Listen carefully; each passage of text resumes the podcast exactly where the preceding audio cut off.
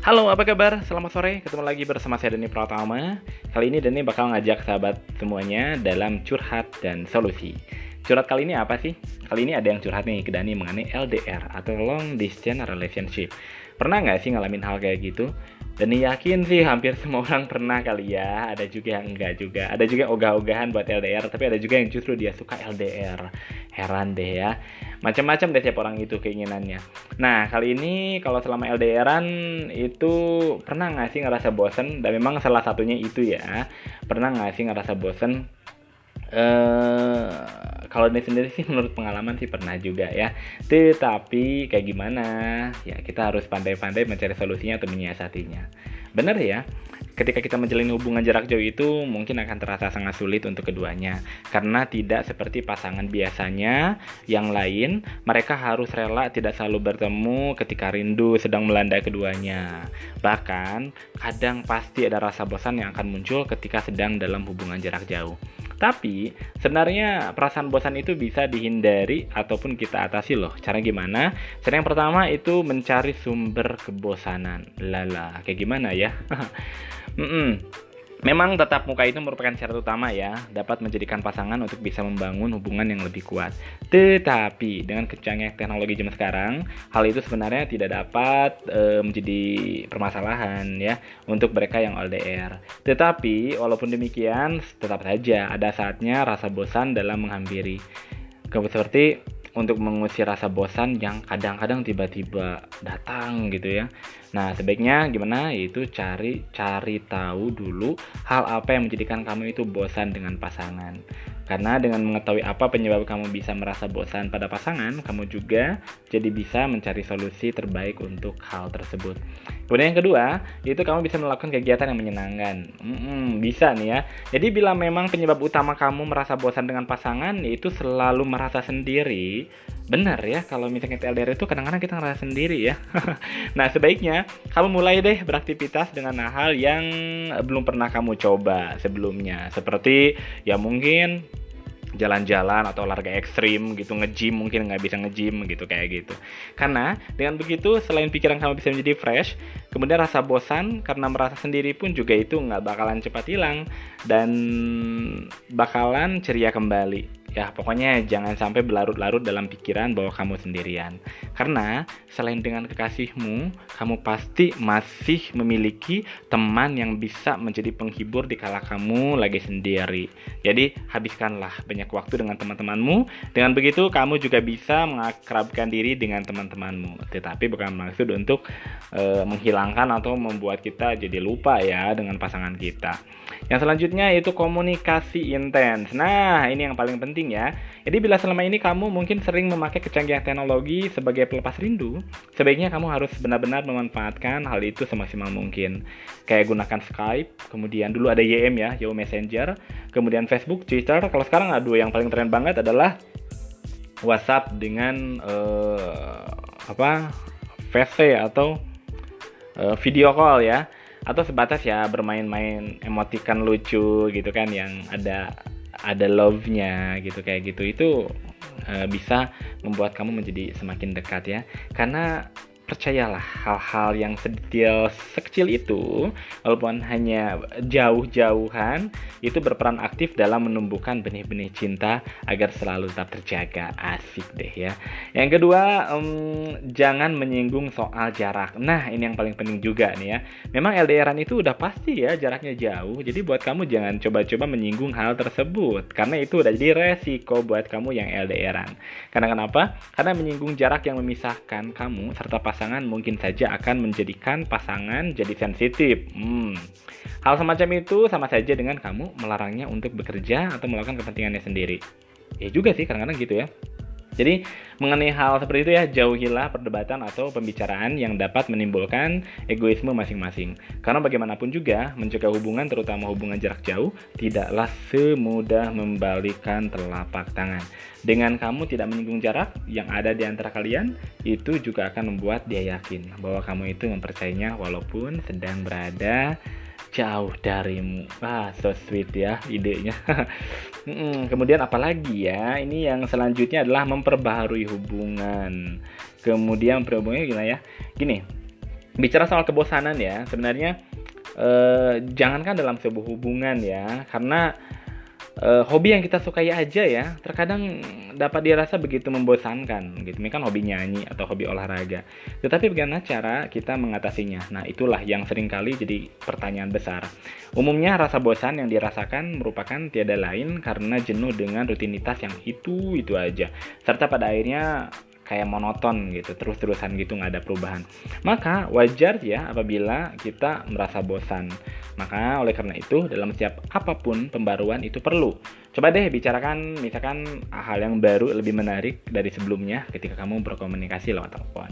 Atau cobalah berikan hadiah yang jauh lebih istimewa dari hanya sekedar hal-hal yang biasa-biasa aja gitu deh. Mungkin kalau biasanya kamu nih yang cowok ke cewek ngasihnya itu boneka atau bunga ya mungkin bisa kamu belikan handphone baru kemudian uh, tas baru, mobil baru, rumah baru, banyak deh caranya ya.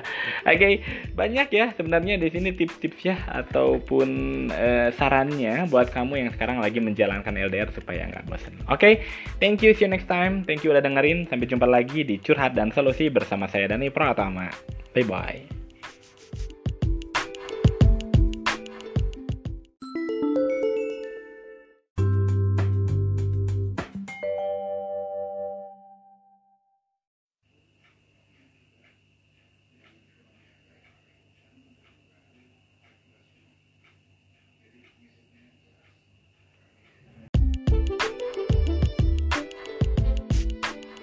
Hai, selamat malam. Ketemu lagi bersama saya Dani Pratama. Kali ini kita bakal membahas mengenai LDR, Long Distance Relationship dalam curhat dan solusi.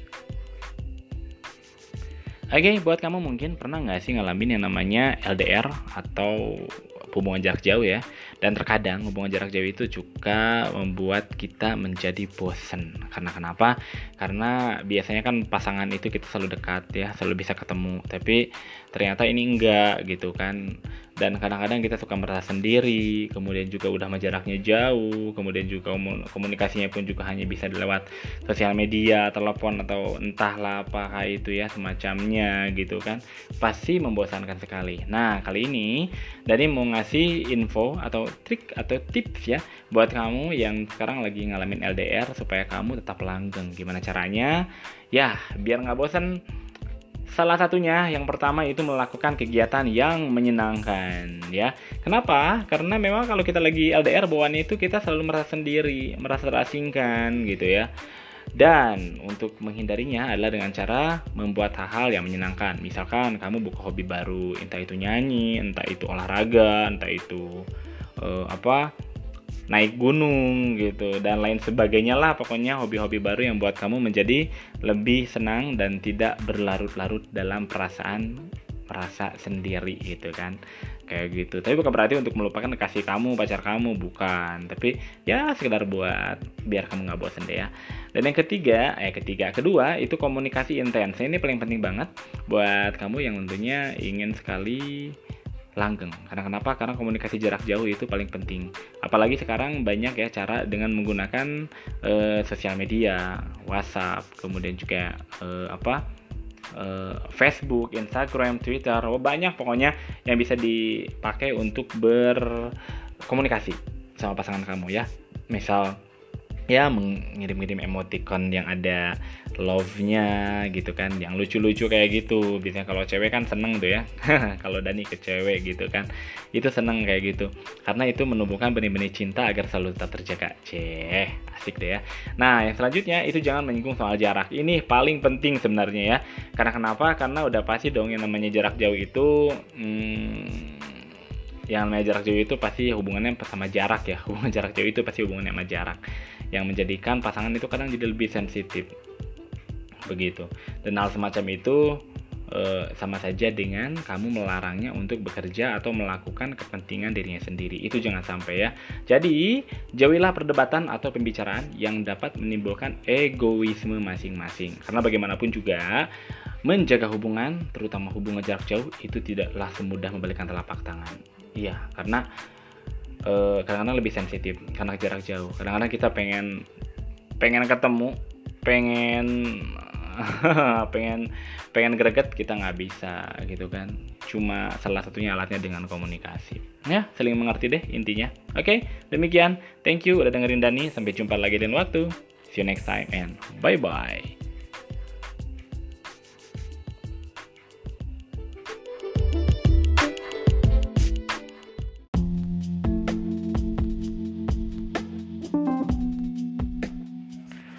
Hai, selamat malam. Kembali lagi di podcast My Dance. Dan seperti biasa, saat malam hari ini kita bakal ngebahas mengenai bagaimana cara mempertahankan sebuah uh, hubungan ya. Mempertahankan sebuah hubungan itu nggak semudah mendapatkannya. ya, kadang-kadang kalau untuk mendapatkan itu lebih kategori sebutnya gampang, gampang, susah. Tetapi kalau mempertahankan lebih ke susah sebenarnya hmm, gimana ya? Iyalah, kadang-kadang kalau misalnya kita lagi pengen mendapatkan otak marketing kita itu jalan itu segala satu pasti dipromosiin sebaik-baik mungkin kepada calon pasangan kita gitu. Tetapi kalau udah jadian, kadang-kadang kita bingung mesti ngapain sih udah jadian mesti bagaimana. Pernah nggak seperti itu? Pernah. Dan godaannya pun juga banyak banget. Jadi mempertahankan hubungan itu lebih susah ya. Karena pertama eh, selain selain tadi yang pertama godaannya banyak ya di mana kadang-kadang orang-orang yang dulu pernah ditolak ya ketika orang kita menyatakan cinta ditolak sama dia eh balik lagi. Atau mantan terindah gitu udah kita buang jauh-jauh eh dia balik lagi gitu kan.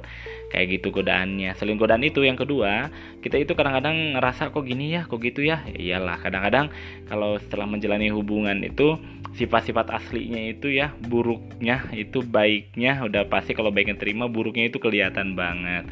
Nah eh seperti itulah gitu. Karena mungkin udah udah kerasa udah dapet ya udah apa pun juga diperlihatkan. Di sanalah diuji saling terima apa adanya. Yang ketiga karena ada perasaan bosen ya karena mungkin tantangannya cuma gitu-gitu aja gitu.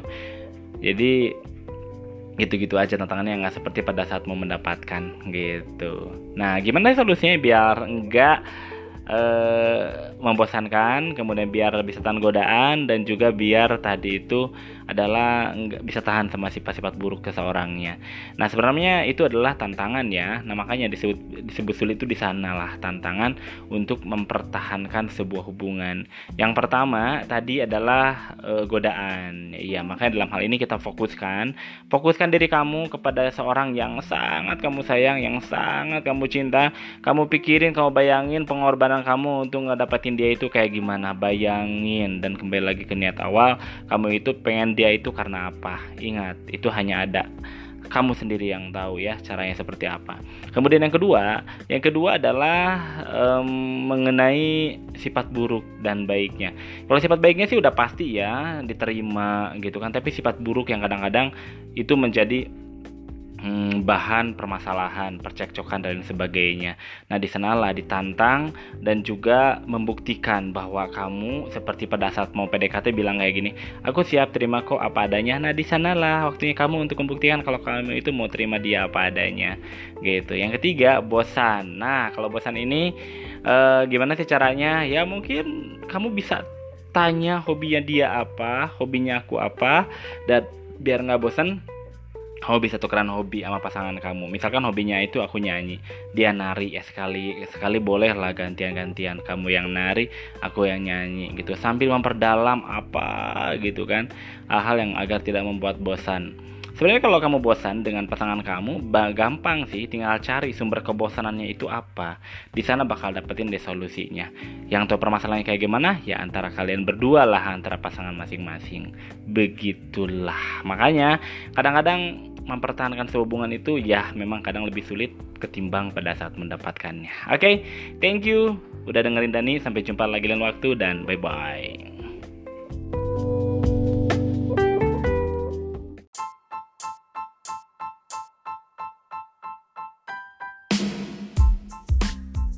Hai, selamat malam. Ketemu lagi bersama saya Dani Pratama di podcast My Dance.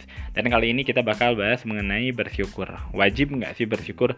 Wajib sekali, harus ya. Karena dengan bersyukur kita akan membuat hidup kita lebih tenang dan rezeki kita akan terus bertambah. Nah, gimana sih agar selalu bersyukur? Yaitu kita harus selalu mengingat dari hal-hal yang kecil, yaitu dengan hal yang kerat kaitannya dengan kebutuhan, bukan keinginan. Karena keinginan kebutuhan itu beda. Kalau kebutuhan itu adalah satu hal yang dibutuhkan secara primer, yang dibutuhkannya sekarang dan gak boleh nanti. Kalau keinginan mungkin bisa dinantikan. Nah, kebanyakan kita terlalu ngagugulung keinginan sehingga kita itu merasa kurang dan kurang terus. Sementara kebutuhan terpenuhi dianggap begitu aja. Syukurilah buat kamu-kamu semuanya yang segala kebutuhannya tetap terpenuhi. Kayak gitu. Jadi keinginan nomor dua, kebutuhan nomor satu. Walaupun kadang-kadang kebalik sih ya. Oke, okay, thank you udah dengerin. Sampai jumpa lagi lain waktu.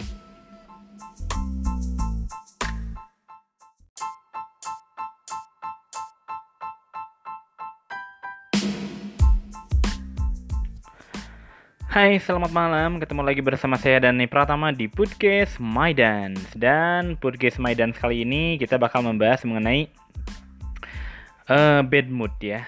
Eh, bad mood. Moody maksudnya. Pernah nggak sih dengar kata moody?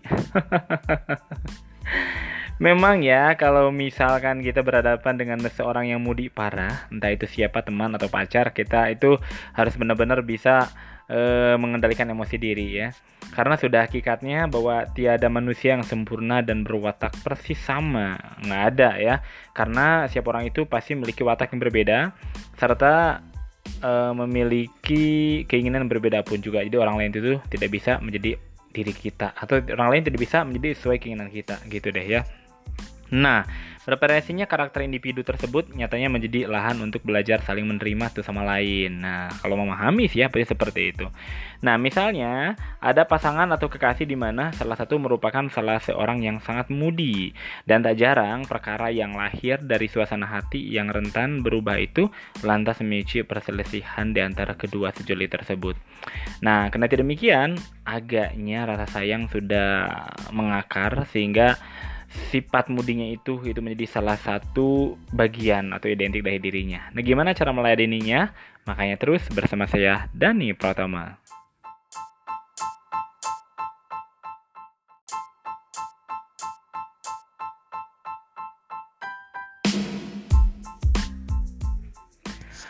Hai, bersama saya Dani Pratama dan sekarang kita ngebahas mengenai solusinya. Gimana ya solusinya kalau misalkan memang kamu itu dihadapkan dengan seseorang yang bad mood, terutama seorang kekasih ya. Kadang-kadang kita dibuat pusing ya kalau memang pasangan kita lagi bad mood. Kadang-kadang entah apa pun juga itu kita sangat sulit banget untuk merba untuk untuk bisa membangkitkannya karena memang seseorang yang bad mood ya dia sendiri pun juga kadang-kadang aneh gitu kenapa gue masih seperti ini kenapa gue seperti itu kadang-kadang seperti itu. Gitu. tapi ya eh, jangan orang lain dirinya pun juga itu sangat memusingkan diri sendiri. Karena mungkin suasana hatinya lagi ada satu lain hal ya. Biasanya tingkat stres yang tinggi pun juga bisa menyebabkan seorang menjadi bad mood. Begitu. Nah kita sebagai pasangannya gimana sih cara mengatasinya? Yang pertama yang paling penting adalah sabar ya. Jadi pupuklah rasa sabar itu lebih subur. Hmm pupuk rasa sabar itu lebih subur. Kenapa? Karena pastinya kamu harus sabar ketika bad moodnya kasih lagi kumat. Bener banget ya. Entah itu mungkin seba entah sebabnya entah sebabnya apa nggak tahu ya dia lantas meladenimu dengan semeraut yang mukanya yang semeraut mukanya ah Hai, ketemu lagi bersama saya Dani Pratama dan kali ini kita bakal membahas mengenai solusi dari bagaimana cara menghadapi kekasih yang bad mood ya. Kadang-kadang bad mood itu menjadi satu hal yang ya kadang-kadang sedikit membosankan ya. Kadang-kadang sedikit menggemaskan kadang-kadang sedikit menjengkelkan. Karena kalau yang bad mood itu kadang-kadang bisa sedih tiba-tiba bisa kegirangan tiba-tiba ya itulah. Karena hal apa pun kita juga nggak tahu ya. Karena orang yang sendirinya pun sendirinya pun juga ya dia itu nggak ngerti kenapa moodnya naik turun gitu ada ya yang seperti itu? Iyalah labil itu namanya. Nah solusinya yang pertama itu kita sebagai kekasihnya harus memupuk kesabar lebih subur. Kenapa? Karena memang ya kesel-kesel ngeri-ngeri sedap ya kesel-kesel sedap bisa menghadapi seorang yang lagi subuh eh subur. Lagi bad mood gitu. Kenapa?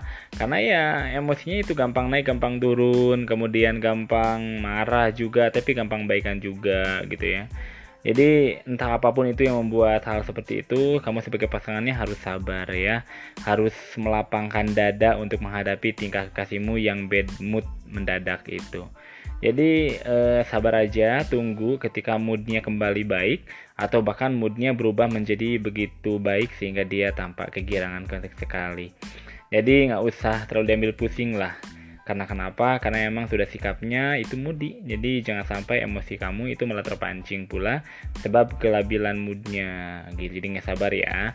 Yang kedua itu walaupun memang kita harus mendiemin ya sabar bukan berarti itu nggak ngasih perhatian.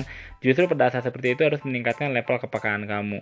Jadi siapa tahu mungkin itu seperti itu karena memang dia lagi butuh perhatian dari kamu gitu. Jadi jangan sampai malah dibiarin yang ada dia marah kesepian dan tidak eh, dianggap gitu ya. Walaupun kita memang dituntut buat sabar banget tapi ya begitulah kita harus peka juga. Yang selanjutnya curahkan pengertian ekstra. Nah, pengertian ya pengertian ekstra. Jadi kami itu benar-benar ngerti gitu ya sama dia itu yang benar-benar ekstra gitu sama dia itu. Karena siapa tahu itu juga bisa meluluhkan bad moodnya dia gitu. Kemudian juga eh, jangan sampai salah ucap atau bertindak. Karena suasana hatinya lagi kacau. Makanya jangan sampai salah ucap atau bertindak yang membuat suasana hatinya malah semakin berantakan. Jadi serba salah sih sebenarnya kalau sampai bad mood itu ya. Yang selanjutnya bersikap lebih tenang. Nah ini yang paling penting. Jadi kalau pasangan kamu lagi bad mood ya alias nggak stabil kamu sendiri sebagai pasangannya itu harus uh, tenang. Karena kenapa? Karena udah mau pasang kamu te bad mood kemudian nggak stabil sama kamu lagi yang nggak tenang dan nggak stabil nanti malah rame lagi. Jadi di tengah berada di situasi di situasi di situasi labilnya sehingga kamu harus lebih stabil darinya saat itu dingin kepalamu damaikan hatimu dan tenanglah hmm jadi gitu ya, memang kadang-kadang gampang-gampang susah ya. Yang pertama kita harus sabar. Kemudian yang kedua harus meningkatkan kepekaan kamu. Kemudian kasih pengertian. Kamu harus benar-benar mengerti dia gitu ya. Yang selanjutnya yang terakhir itu bersikap lebih tenang. Jadi jangan geram deh. Apalagi kalau memang kamu sama dia itu sudah benar-benar menjajaki sebuah hubungan. Saling mengenal, saling menerima apa adanya, di sinilah ditantang pasangan kamu untuk saling terima apa adanya. Thank you udah dengerin Dani, sampai jumpa lagi lain waktu.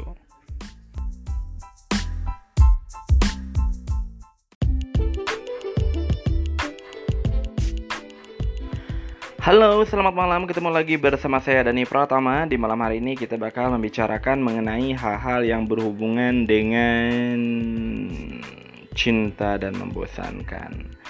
Sebenarnya satu hal yang lumrah ya ketika kita lagi menjalin hubungan, kemudian cinta berjalan dan membosankan. Dan parahnya lagi, membosankannya itu nggak terjadi dari kedua belah pihak secara bersamaan. B-nya salah satu ya, salah satu pihak salah satu pihak di pasangan kita merasa bosan, salah satu pihak yang lagi masih cinta. Ataupun juga sebaliknya, dari kitanya bosan, dari dianya masih cinta. Hmm, bagaimana cara menghadapinya ya? Itu mungkin caranya kembali lagi ke uh, statement masing-masing ya. Ada juga yang memang misalkan lebih menyiasati aja deh ah mengalah dulu gitu. Jangan sama-sama bosan gitu kan. Ada juga yang udah keke bosan yang satu lagi pengen mempertahankan. Ada juga yang memang uh, yang satu lagi udah bosan banget tapi yang satu lagi masih cinta. Banyak caranya kayak gitu ya banyak. Nah itu jadi bagaimana cara menghadapinya. Intinya sih yang penting pokoknya saling menguatkan aja ya satu sama lain rasa cinta kamu dengan dia atau dia dengan kamu itu dibuat lebih kuat aja dan saling memahami satu sama lain baik dari segi sikap ataupun juga emosinya. Barangkali mungkin lagi ada satu lain hal gitu karena memang cinta dan bosan itu satu hal yang lumrah terjadi bila kamu dan dia sedang melakukan uh, sebuah hubungan. Gitu deh. Kayak gitu. Hmm pusing juga ya. Ya iyalah. Dan kadang-kadang kalau sudah cinta dan membosankan itu ada juga yang memang berpikir bahwa itu adalah awal dari kebaikan, ada juga yang berpikir itu dari awal keretakan. Mau diteruskan atau mau tidak, pilihan ada di Anda. Because life is choice. Thank you udah dengerin Dani. Sampai jumpa lagi lain waktu. Bye bye.